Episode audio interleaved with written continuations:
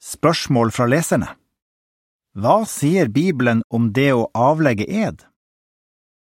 En ed har blitt definert som en høytidelig erklæring eller et høytidelig løfte om at man skal gjøre noe bestemt, ofte under påkallelse av Gud. En ed kan avlegges muntlig eller skriftlig.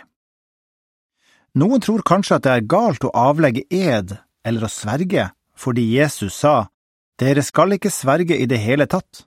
La rett og slett deres ja bety ja, og deres nei bety nei. For det som er utover dette, er fra den onde. Matteus 5.33–37 Men Jesus var selvfølgelig klar over at Moseloven krevde at israelittene avla ed i visse situasjoner, og at noen av Jehovas trofaste tjenere hadde gjort det. Han visste også at Jehova selv hadde garantert for løfter ved å sverge. Jesus kan derfor ikke ha ment at man aldri skal avlegge ed.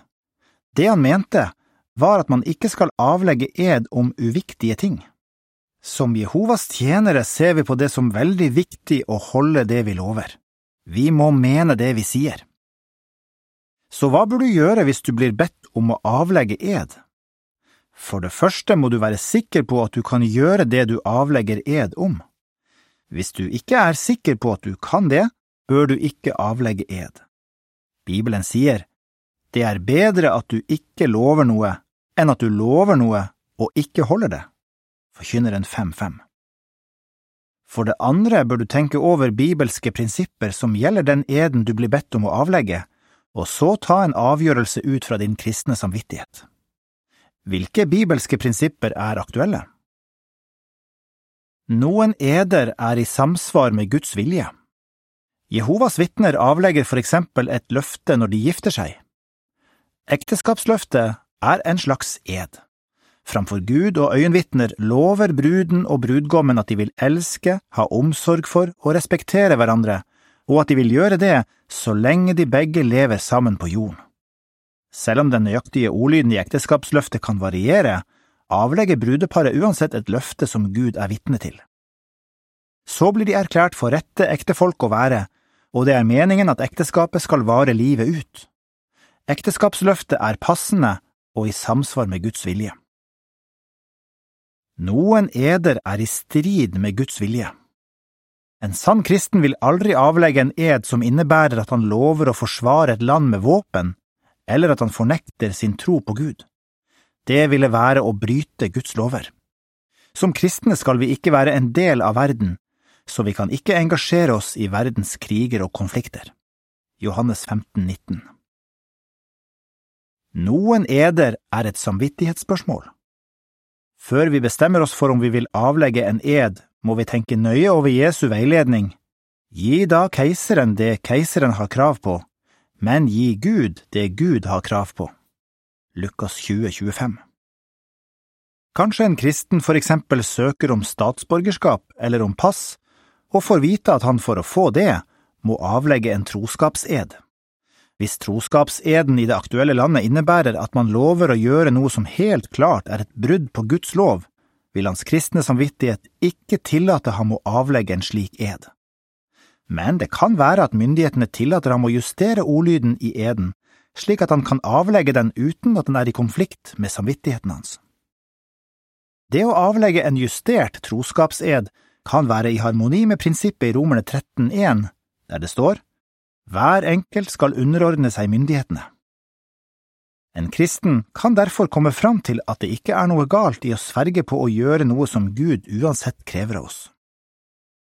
Det er også viktig at du lytter til samvittigheten din hvis du blir bedt om å bruke en gjenstand eller gjøre en bestemt gest i forbindelse med at du avlegger en ed.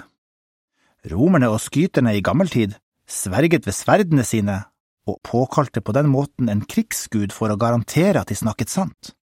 Grekerne løftet en hånd mot himmelen når de avla ed. På den måten anerkjente de at det finnes en høyere makt som legger merke til hva som blir sagt og gjort, og som mennesker står til ansvar overfor.